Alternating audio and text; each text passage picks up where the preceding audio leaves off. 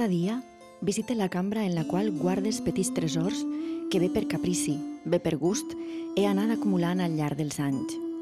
Una sala de dimensions variables, reservada al gaudi privat, on vaig aplegant, seguint pautes pròpies dels col·leccionistes d'èpoques passades, una sèrie de peces úniques i peculiars que cadascuna a la seva manera han provat de donar una visió particular del món i de la naturalesa humana.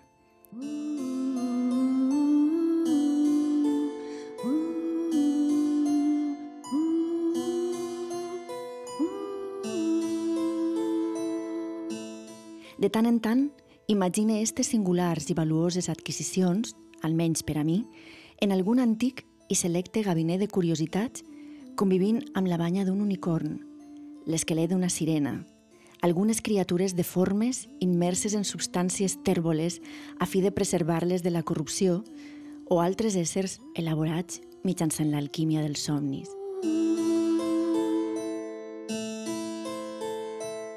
Vegada que m'endinse en aquest espai, una estranya llum em permet contemplar amb claredat la criatura concebuda per la jove Mary Shelley una nit del 1816, l'any sense estiu.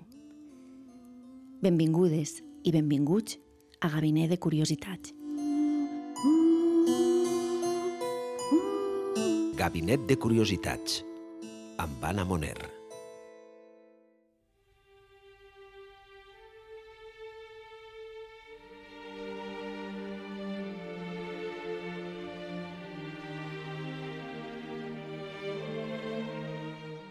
Quan vaig llegir per primera vegada Frankenstein o el modern Prometeu, em va impressionar la quantitat de temàtiques i elements interessants i innovadors que Mary Shelley va saber conjugar a la perfecció per tal de crear una obra original i diferent.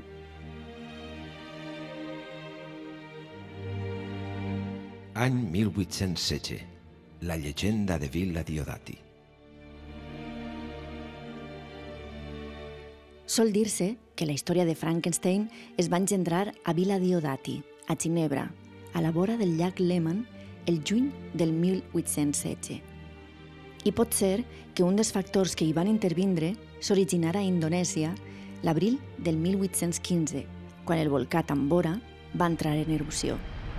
Una erupció que va alterar el clima de la Terra, sobretot a Europa, on les temperatures van baixar de manera excepcional. De fet, l'any següent, el 1816, ha passat a la història com l'any sense estiu.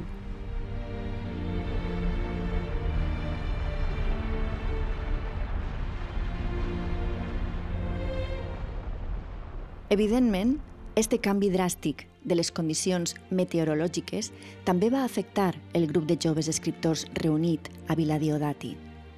Byron, John Polidori, Percy Shelley i Mary Wollstonecraft Godwin, la seva futura esposa.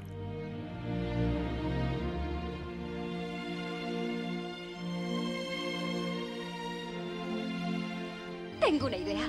¿Por qué no vamos a Ginebra y vemos el Mont Blanc? Y remamos en el lago y conocemos los paisajes que inspiraron a Gusso. Sé a qué paisaje se refiere Clara. Su paisaje se llama Lord Byron. Oídme, voy a cantaros un canto albanés. Os pido mucha atención y silencio. Es un canto muy antiguo de las montañas de Albania. Cantad conmigo.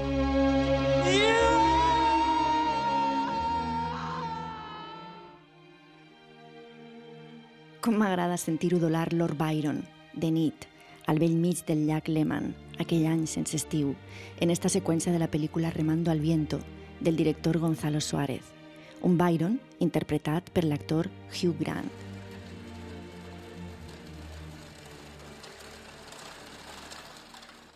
Què va passar exactament a Vila Diodati? Fem un viatge a principis del segle XIX. Sé que resulta difícil d'imaginar, però en ple mes de juny feia fred i nevava sovint.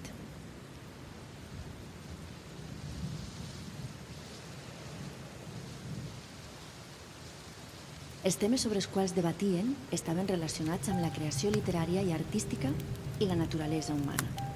Polidori, el metge personal de Byron, va llegir els apunts que havia après en una sèrie de conferències pronunciades a Londres pel prestigiós anatomista William Lawrence. Lawrence defensava que la vida tenia el seu origen en la naturalesa, no en la voluntat divina. Unes teories que, evidentment, havien generat una resposta del públic hostil. Una reacció ben diferent a la d'aquell grup d'escriptors que le seguia amb interès. De seguida, la conversa va derivar cap a l'electricitat i els experiments amb aquesta energia duts a terme per Erasmus Darwin, l'avi de Charles Darwin. Com veiem, la nit del 16 de juny del 1816 va ser molt profitosa. Així ho explicava la pròpia escriptora. Vaig passar l'estiu del 1816 als afores de Ginebra. L'estació fou freda i plujosa. Als vespres ens reuníem al voltant de les flames d'un bon foc i, de vegades, ens distraíem amb alguns contes de fantasmes que ens havien caigut a les mans. Aquests contes van excitar-nos un juganer desig d'imitació. Es distreiem amb alguns contes de fantasmes, diu Mary Shelley. Contes com els aplegats en Fantasmagoriana, una antologia de relats sobre esta temàtica.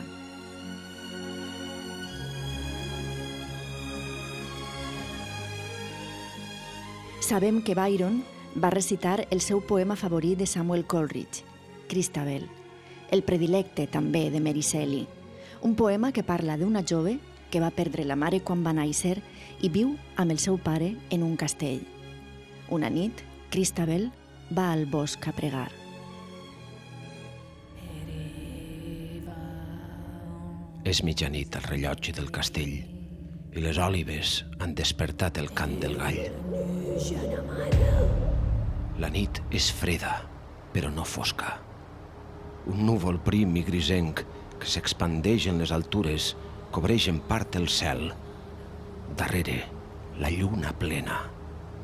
La dolça dama Cristabel, a qui el seu pare tant estima, què fa al bosc tan tard, a tan gran distància de la porta del castell?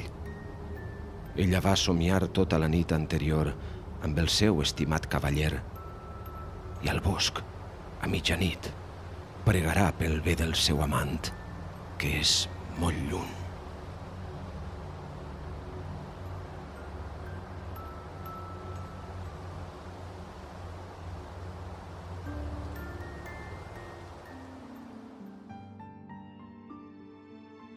Quan el va acabar de recitar, Byron va llançar el llibre i va dir que necessitaven alguna cosa nova i terrorífica. Es va proposar escriure una història de por i triar la millor.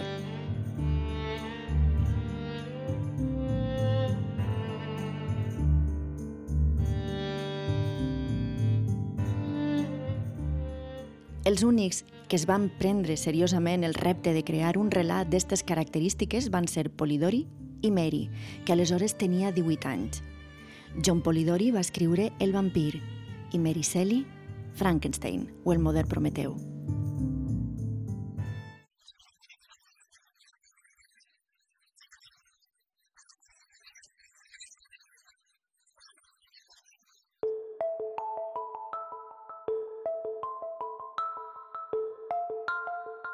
Gabinet de Curiositats. Amb Anna Moner.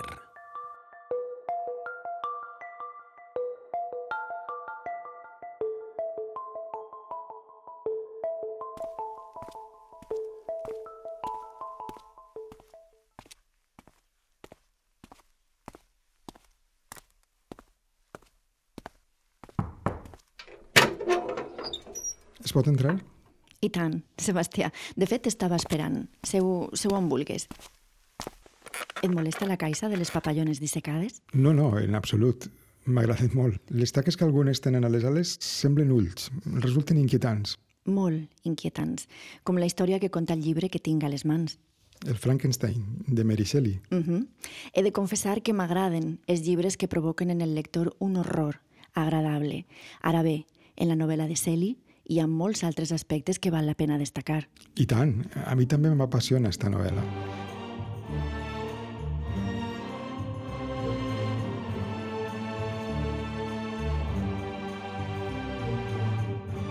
Hi ha un aspecte que m'interessa especialment, les referències al paisatge. Sí, quan llitges Frankenstein, t'adones que l'autora sentia una gran admiració per la naturalesa. El 21 de juliol, quan estava immersa en l'escriptura de la novel·la, Percy i ella van viatjar als Alps, a Chamonix i a la mer de Glaç, la mar de gel, el famós glaciar situada al massís del Mont Blanc. En aquella excursió, tots dos es van quedar meravellats davant dels rius de gel i les grans extensions de neu. I este viatge va influir en la novel·la de manera decisiva.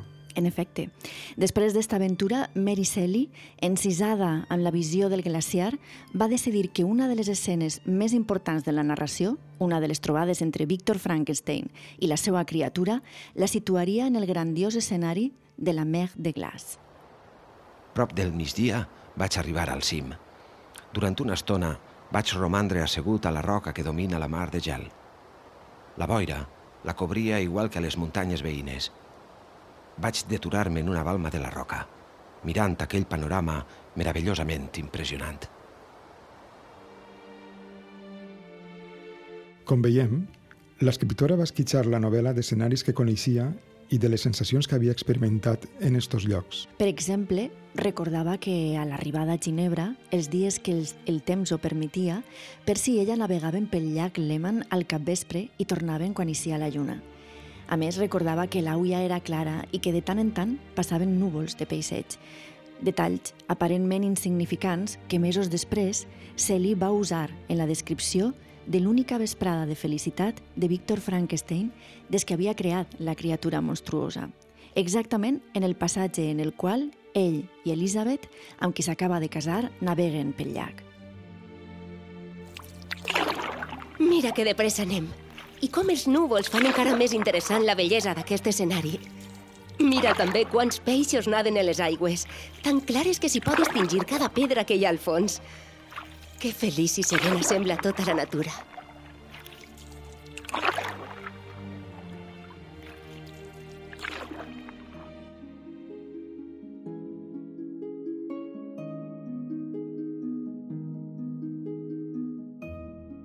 De fet, el 1817, Mary Shelley va escriure història d'un viatge de sis setmanes per França, Suïssa, Holanda i Alemanya.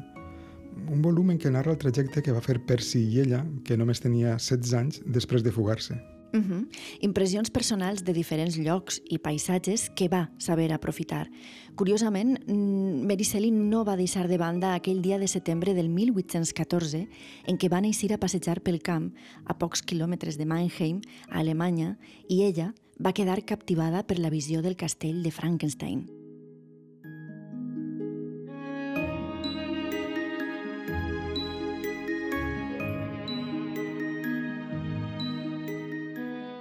Un castell vinculat a una inquietant llegenda que un habitant dels voltants es va explicar a canvi d'unes poques monedes. Al segle XVII hi havia viscut l'alquimista Conrad Dippel, un home obsessionat per trobar un remei per a la mort. Per aconseguir-ho, molia els ossos i mesclava la pols obtinguda amb sang – i el beuratge obtingut l'administrava als cadàvers amb la pretensió de tornar-los a la vida, una qüestió que interessava a Mary Shelley i que li van servir per bastir la novel·la.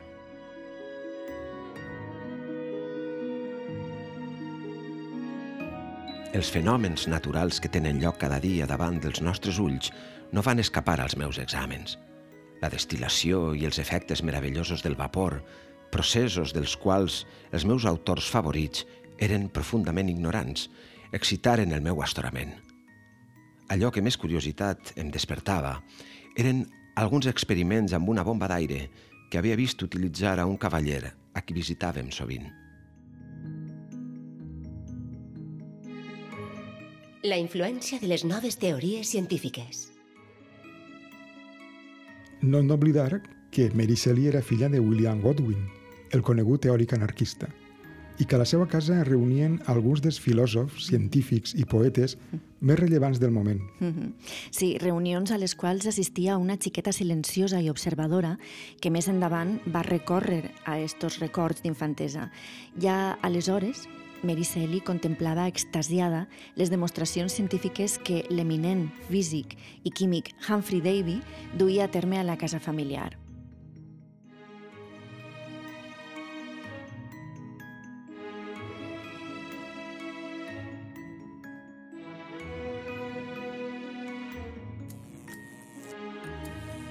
Davy investigava el galvanisme i realitzava experiments basats en la teoria sobre l'electricitat de Luigi Galvani.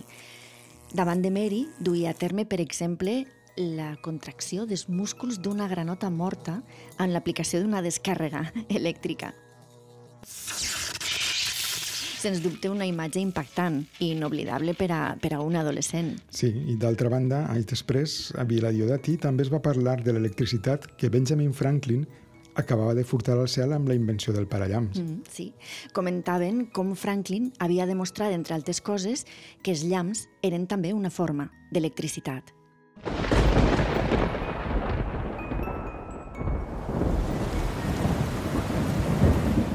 Als 15 anys vivia a la casa que tenien prop de Bell Reef i van presenciar una tempesta violentíssima i terrible.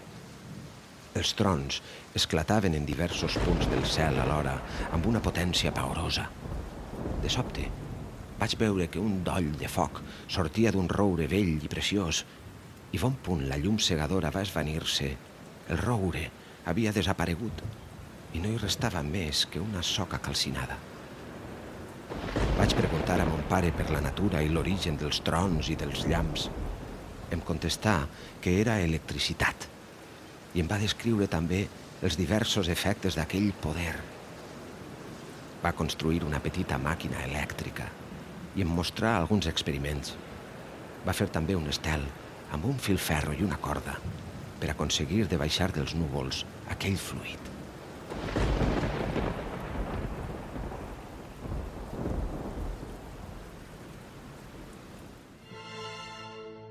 Erasmus Darwin, el galvanisme, el parallamps de Franklin i... I les conferències d'Andrew Cross, considerat un dels primers científics electroquímics. Cross va orientar els seus esforços a investigar al laboratori que havia muntat a Fine Court, la casa pairal al comtat de Somerset, al sud de Bristol, la possibilitat de captar energia elèctrica de l'atmosfera per generar vida artificial.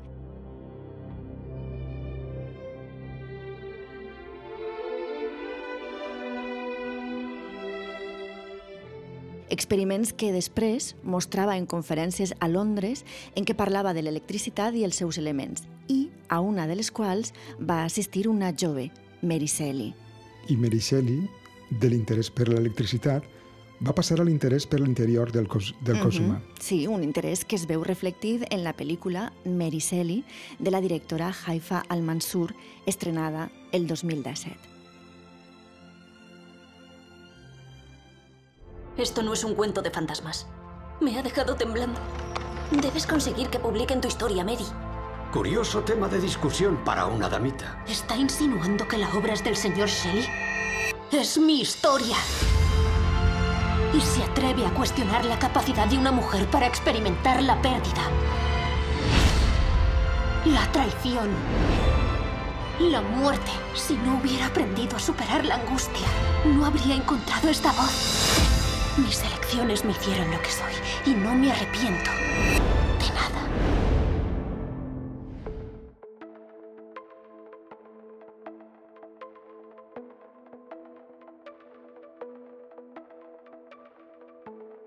Gabinet de curiositats.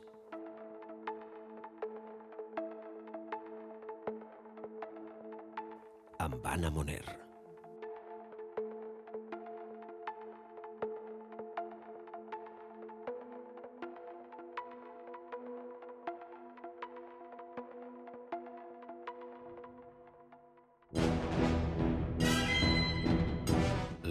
Creació del monstre.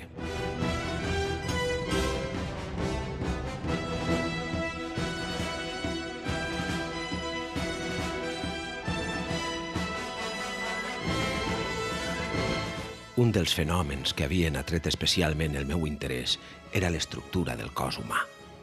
Sovint em demanava d'on procedia el principi de la vida, que sempre ha estat considerat un misteri. Per examinar les causes de la vida, primer hem de recórrer a la mort. Vaig familiaritzar-me amb la ciència de l'anatomia i vaig haver d'observar la descomposició i corrupció del cos humà. La foscor no feia efecte en la meua imaginació i per a mi un cementeri era merament el receptacle dels cossos sense vida, els quals, de ser seu de bellesa i fortalesa, esdevenen menja per als cucs. La sala de dissecció i l'escorxador em proporcionaren molts dels materials.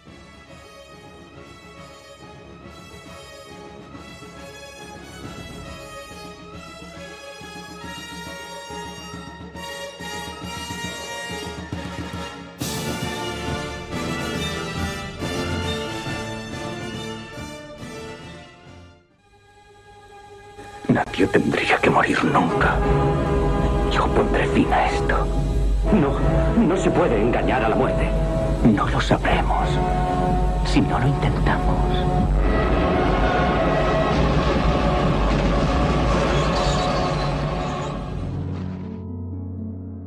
Acabem de sentir l'actor Kenneth Branagh en la pell de Victor Frankenstein en Frankenstein de Mary Shelley, una pel·lícula del 1994 que Branagh va dirigir i protagonitzar. Un film molt fidel a la novel·la en el qual Robert De Niro interpreta el monstre. I què sabia Mary Shelley sobre la dissecció de cadàvers? En va tindre coneixement des de molt pronte, sabia prou. L'estiu del 1807, poc abans que complira els 10 anys, a causa de la precària situació econòmica, la família Godwin es va traslladar de l'espaiosa i lluminosa casa on vivien al número 41 d'Esquina Street, als afores de Londres.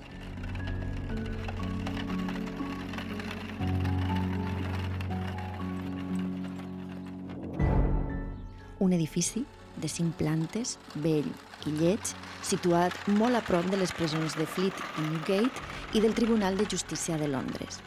Els dies que hi havia alguna execució pública, les campanes de l'església del barri tocaven a mort per l'ànima dels condemnats, mentre una gran multitud acudia a presenciar l'espectacle. Des de la seva habitació, Mary podia veure el trasllat dels condemnats de la presó de Newgate a Tyburn, on era el patíbul.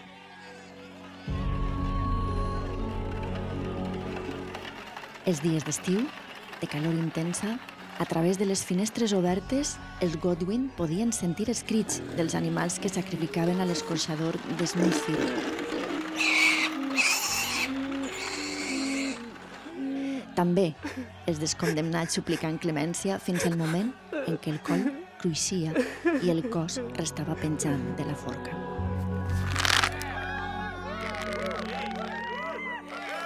Quan l'espectacle s'acabava, els cadàvers dels ajusticiats es portaven als soterranis del Reial Col·legi de Cirurgians per tal de realitzar pràctiques d'anatomia.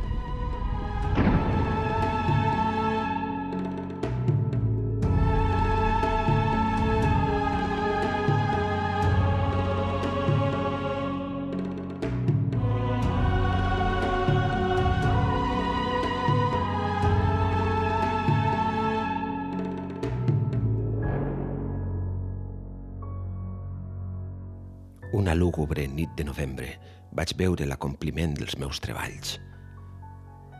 Amb una ansietat que arribava al paroxisme, vaig reunir al meu voltant els instruments creadors de l'existència per tal d'infondre una espurna vital a l'ésser inanimat que geia als meus peus.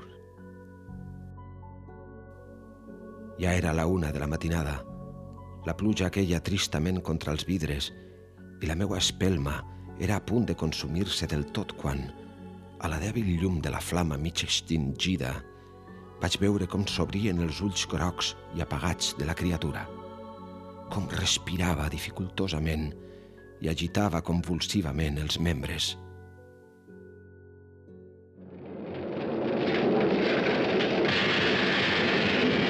It's alive! It's alive! It's alive!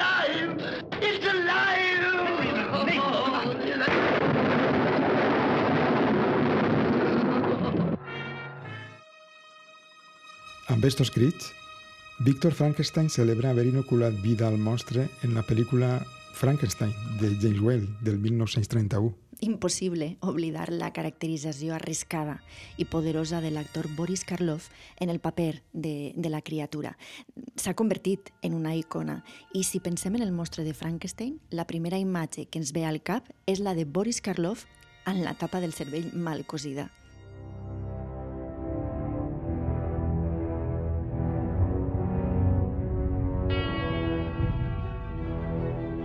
Cal que recordem que Mary Shelley va viure a l'època en què les bandes de resurreccionistes robaven cadàvers de les tombes. Cadàvers frescos acabats de soterrar, que després venien als anatomistes, metges o, o estudiants, a tots aquells que volgueren ampliar els seus coneixements.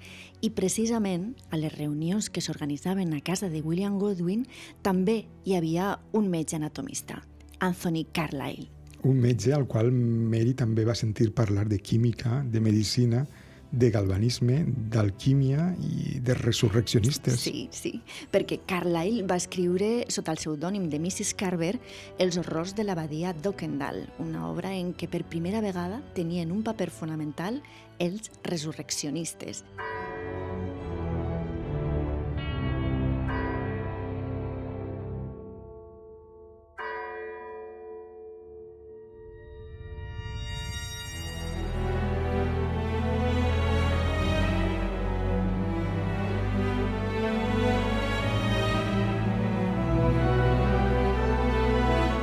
través de Carlyle, Mary Shelley va tindre accés a les aventures de Hugh Trevor, uh -huh. una novel·la del dramaturg, crític i poeta Thomas Holcroft, publicada el 1797. Mm.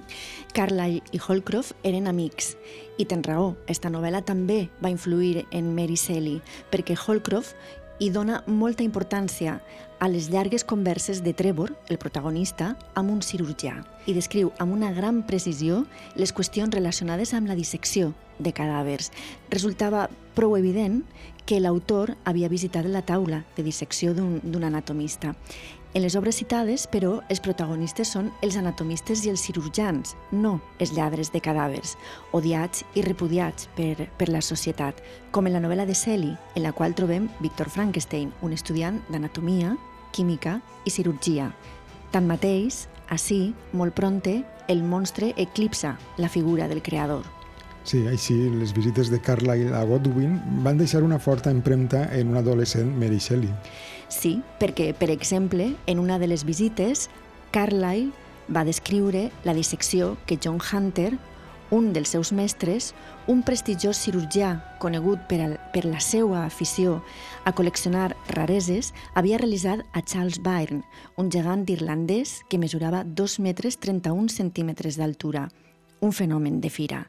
Segurament, la impressió d'aquell relat va retornar a la ment de Mary Shelley quan va imaginar la criatura creada per Víctor Frankenstein. De fet, la primera descripció que apareix en la novel·la parla d'una silueta d'home, però que semblava d'estatura gegantesca.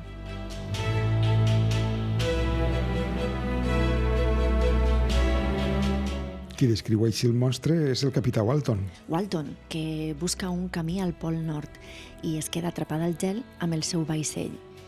I mentre ell i la tripulació esperen que el gel es fonga, trobem Víctor Frankenstein que li relata la seva història. Així comença la novel·la, amb les cartes que Walton escriu a la seva germana. Uh -huh.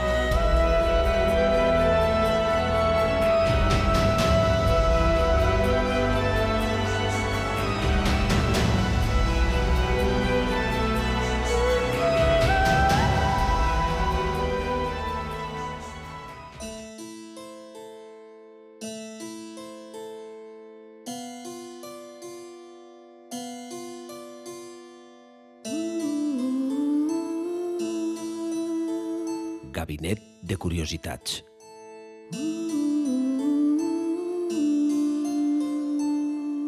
Amb Anna Moner.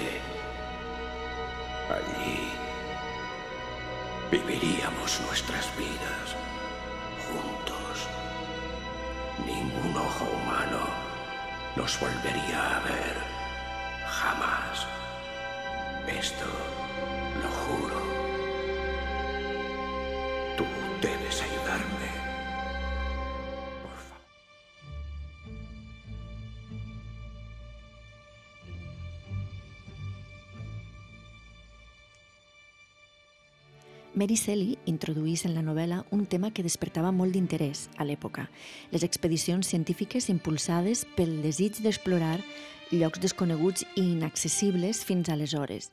Walton, igual que Víctor Frankenstein, té una gran ambició, arribar allà on mai ningú no ha posat els peus i descobrir terres ignotes.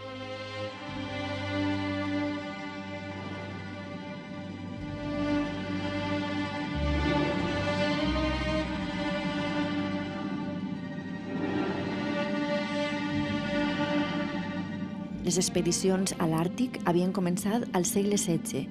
El Pol Nord seduïa la imaginació de la societat de la primera meitat del segle XIX i Shelley va incorporar amb molta audàcia l'obsessió contemporània per trobar un passatge fins a l'Àrtic. Igual que Victor Frankenstein, el capità Walton busca la glòria i la fama que atorguen els grans descobriments científics.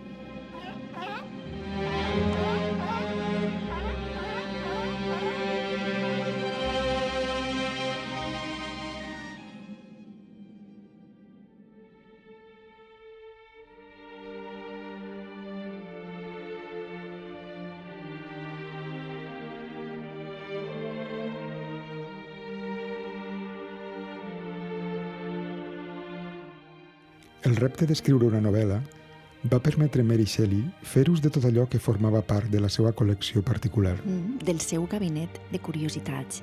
Des de menuda havia tingut accés a una biblioteca magnífica i a les visites que els millors poetes, científics i artistes de l'època solien fer a son pare, William Godwin. Poetes com Samuel Coleridge. Uh -huh. Quan tenia 8 anys, en una de les visites que el jove Samuel Coleridge feia a William Godwin, Mary, amagada darrere del sofà, va escoltar el poeta recitar amb veu sonora i harmoniosa la balada del vell mariner, un poema que, que des d'aquella nit Mary va memoritzar paraula per paraula.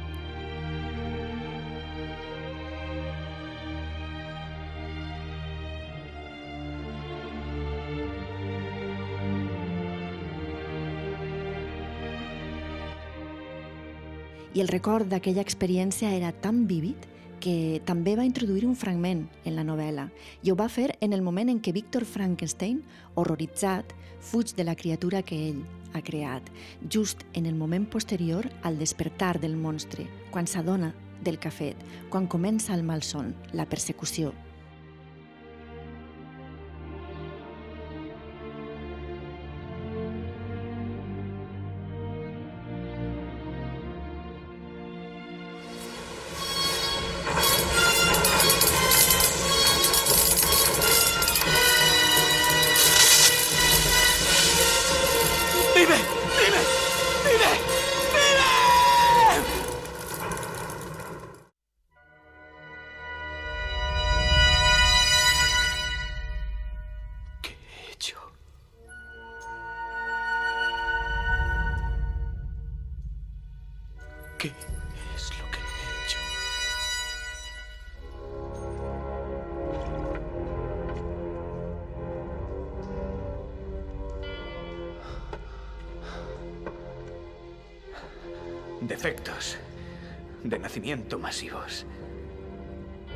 Crecida y notoria fuerza física. Pero el ser reanimado resulta defectuoso y lastimoso. Y ha muerto. El fragment del poema de Coleridge que tria Shelley resulta molt significatiu. Sí, perquè, perquè advertís el lector què passarà a partir d'aleshores. En l'obra de Coleridge, per haver llevat la vida a un albatros, el mariner provoca la mort dels seus companys de tripulació. I en la novel·la de Shelley, la gosadia, l'atreviment de Víctor Frankenstein, té com a conseqüència la mort d'aquells que més estima. Com aquell qui en un camí solitari camina poruc, aterrit, i havent-se girat un cop continua endavant sense tornar a girar més el cap, perquè sap que un dimoni paorós és darrere d'ell, ben a prop, seguint-li les passes.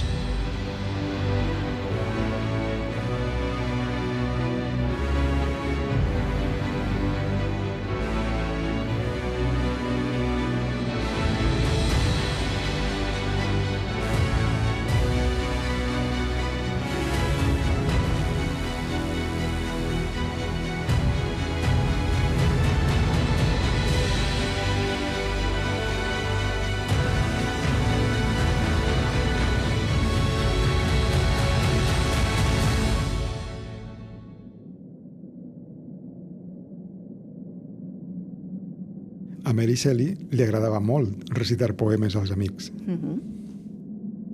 Van arribar la neu, la boira. Quin fred pel mar desert.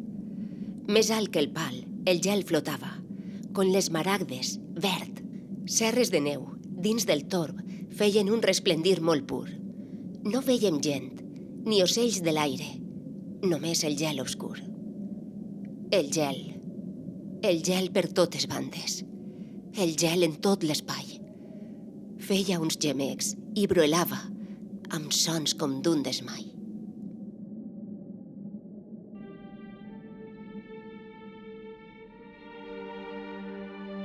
Sí, hi ha una curiositat que no té a veure directament amb la novel·la, però que mostra molt bé el caràcter de la dona que la va escriure, i és la següent. Una de les nits, a Vila Diodati, Mary Shelley va recitar de memòria un altre poema de Coleridge titulat Una ègloga de guerra, un poema que molts contemporanis qualificaven de massa, salvatge. Un d'aquells poemes que molts consideraven que no havia de conèixer i molt menys memoritzar i recitar en públic una jove de bona, una jove de bona educació. I Mary Shelley ho feia sempre que li aveia i amb molt de plaer.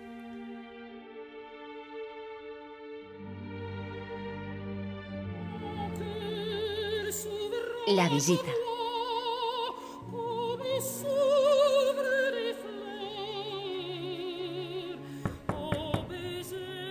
Es vol passar? Colonques, és clar que sí. Passa, passa. Seu, seu així, Colonques. Jo he d'anar-me'n. Ja? Quedat un, un poc més? No, no, no puc. Ha arribat l'hora.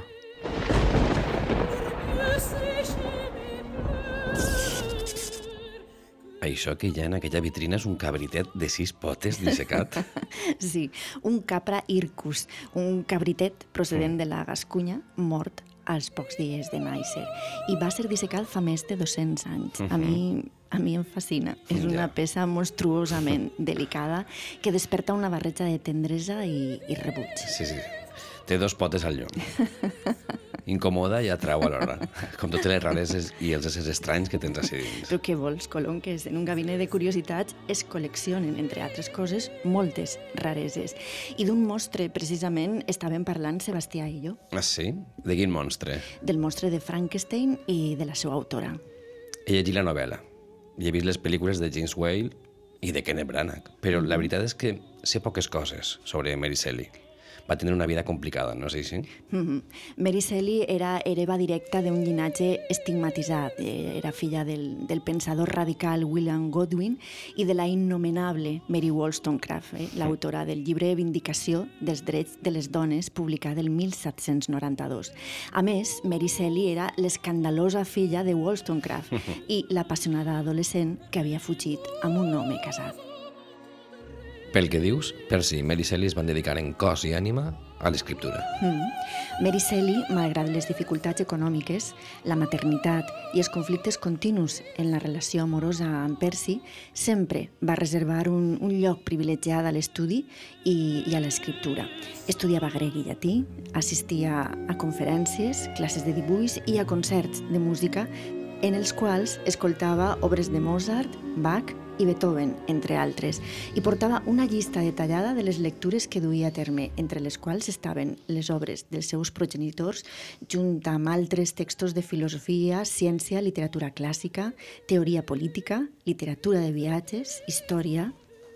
En l'actualitat encara hi ha qui dubta de l'autoria de la novel·la.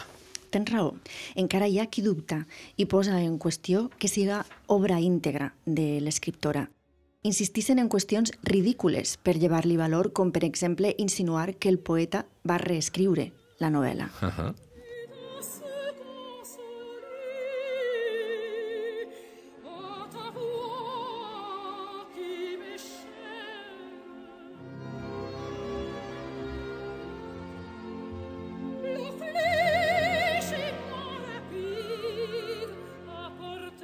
Normalment, els estudis se centren en la influència de Percy sobre Mary i no a l'inrevés.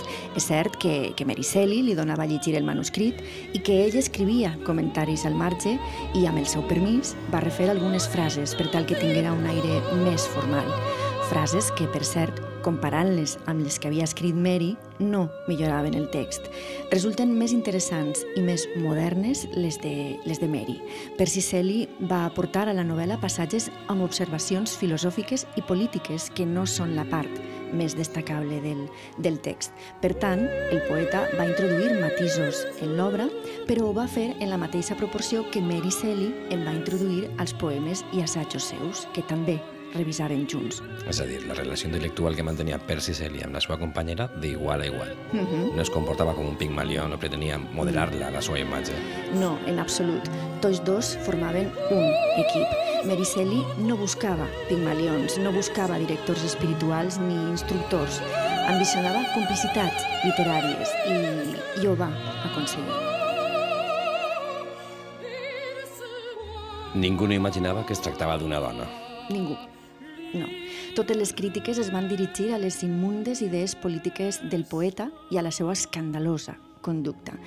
Percy Shelley era ateu, l'havien expulsat d'Oxford, li havia trencat el cor a la seva primera dona, Harriet, a qui va induir al suïcidi, fomentava l'anarquia i la mort dels reis i vivia en pecat amb la, amb la filla de Mary Wollstonecraft, aquella inconscient que va gosar reivindicar els drets de les dones.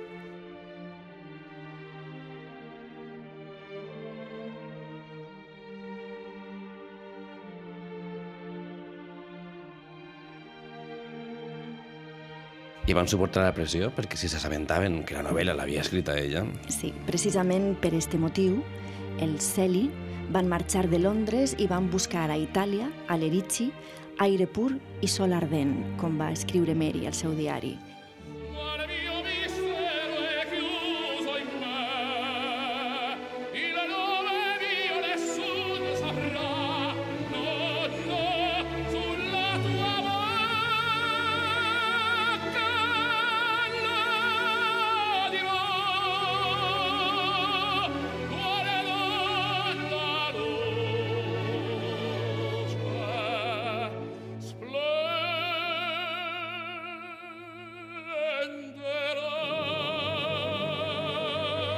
Es van instal·lar a la Casa Magni, un lloc aïllat a unes 3 milles al nord de l'Erici, però el golf de la a la mar de Ligúria, va capgirar la vida de Shelley per complet.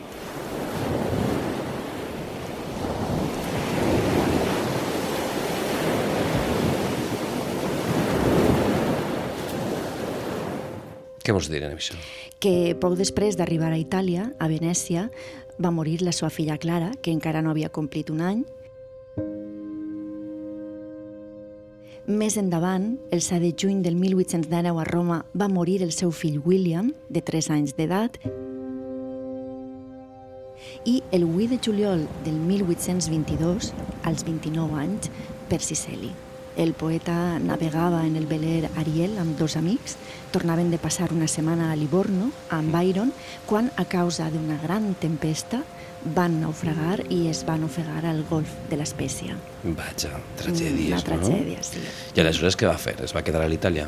Mary va tornar més tard a Londres amb el petit Percy Florencelli, era l'únic fill que la sobreviuria, i amb el pas dels anys es va convertir en una autora resolutiva i considerada. Però l'únic solatge goticista que quedava d'un passat rebel es reduïa a la conservació d'un macabre tresor anatòmic, el cor de Percy Shelley embolicat en seda al seu escriptori junt amb un dels seus llibres de, de poemes. Byron i uns quants amics més van decidir cremar en una pira a la platja el cos de Percy Shelley que es va consumir tot llevat del cor que va ser entregada a Mary.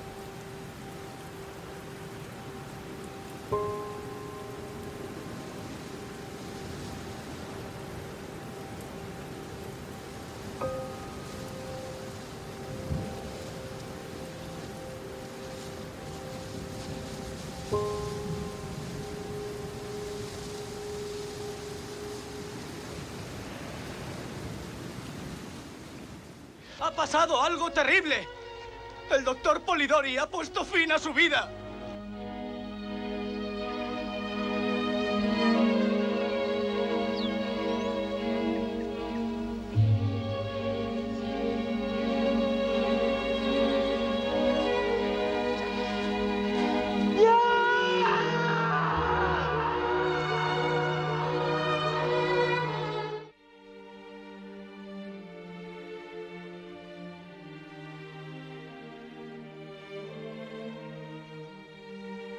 I per Cecily està soterrada a Itàlia. Mm, al cementeri protestant de Roma. A la làpida de la tomba apareix inscrit Cor Cordium, que vol dir cor de cors. Per a Mary Shelley, el seu marit encarnava l'essència del, del poeta romàntic. A més, ella va manar gravar a la làpida un fragment de La tempesta, de William Shakespeare, un dels autors favorits de, de l'escriptora. I sota les dates del naixement i de la mort es pot llegir. Res d'ell es perd. La mar el convertís en una cosa rica i estranya. Quan torni a Roma, visitaré la tomba de Per Cecília al cementeri dels protestants. Mm -hmm.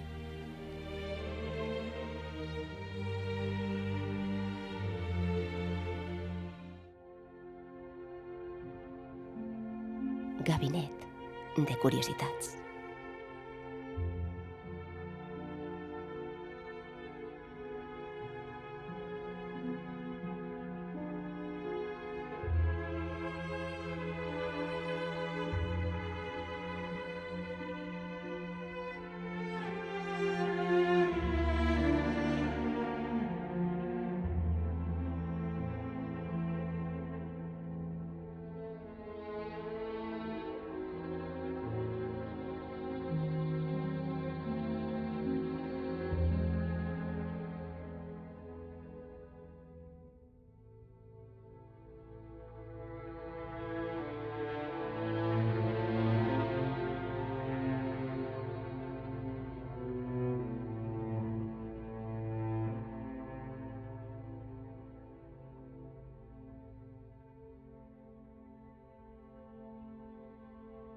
Un final molt tràgic, no? molt romàntic. Molt romàntic.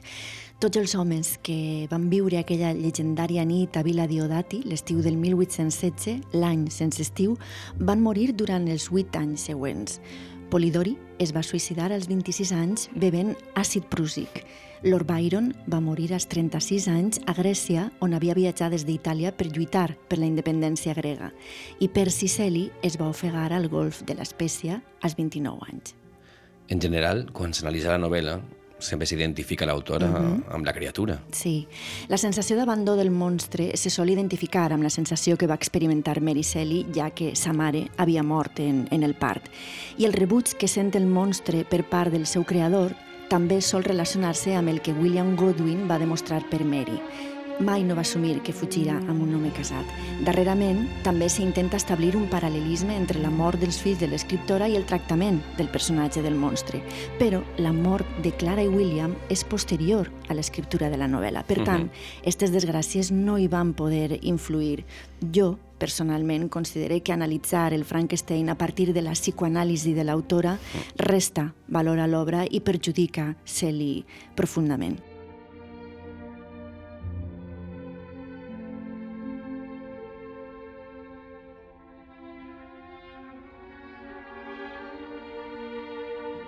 I per què t'atrau tant la figura de Mary Shelley? perquè, perquè va crear una obra brillant i diferent. Una obra producte exclusivament de la seva formació, de la, de la curiositat i d'una llibertat immensa. Quan lliig Frankenstein veig una autora que es va atrevir a abordar sense complexos temes molt controvertits a l'època. Veig una autora arriscada que va trencar amb les normes que regien la conducta femenina i no una vegada, sinó moltes, desafiant el codi moral de, del moment.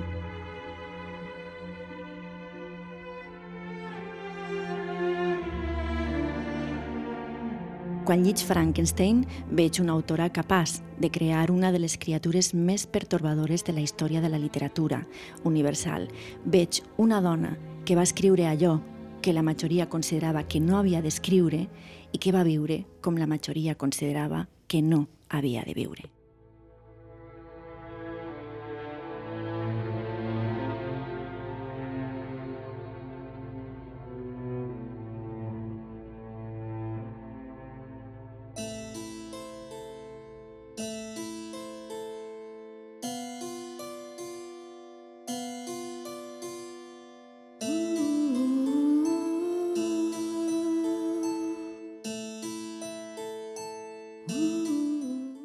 M'has convençut. Rellegiré la novel·la, recuperaré les pel·lícules. Mm -hmm. Estic molt a gust en el teu gabinet de curiositats. Mm -hmm. Vindré a visitar-te més vegades. Per cert, Estic pensant que hauràs de vindre algun dia al Jazz Crew. No, no he dit que no, eh? un plaer, un plaer també per a mi, Colonques. Ja saps que estàs convidada a tornar-hi sempre que t'avellisca tots i esteu convidats.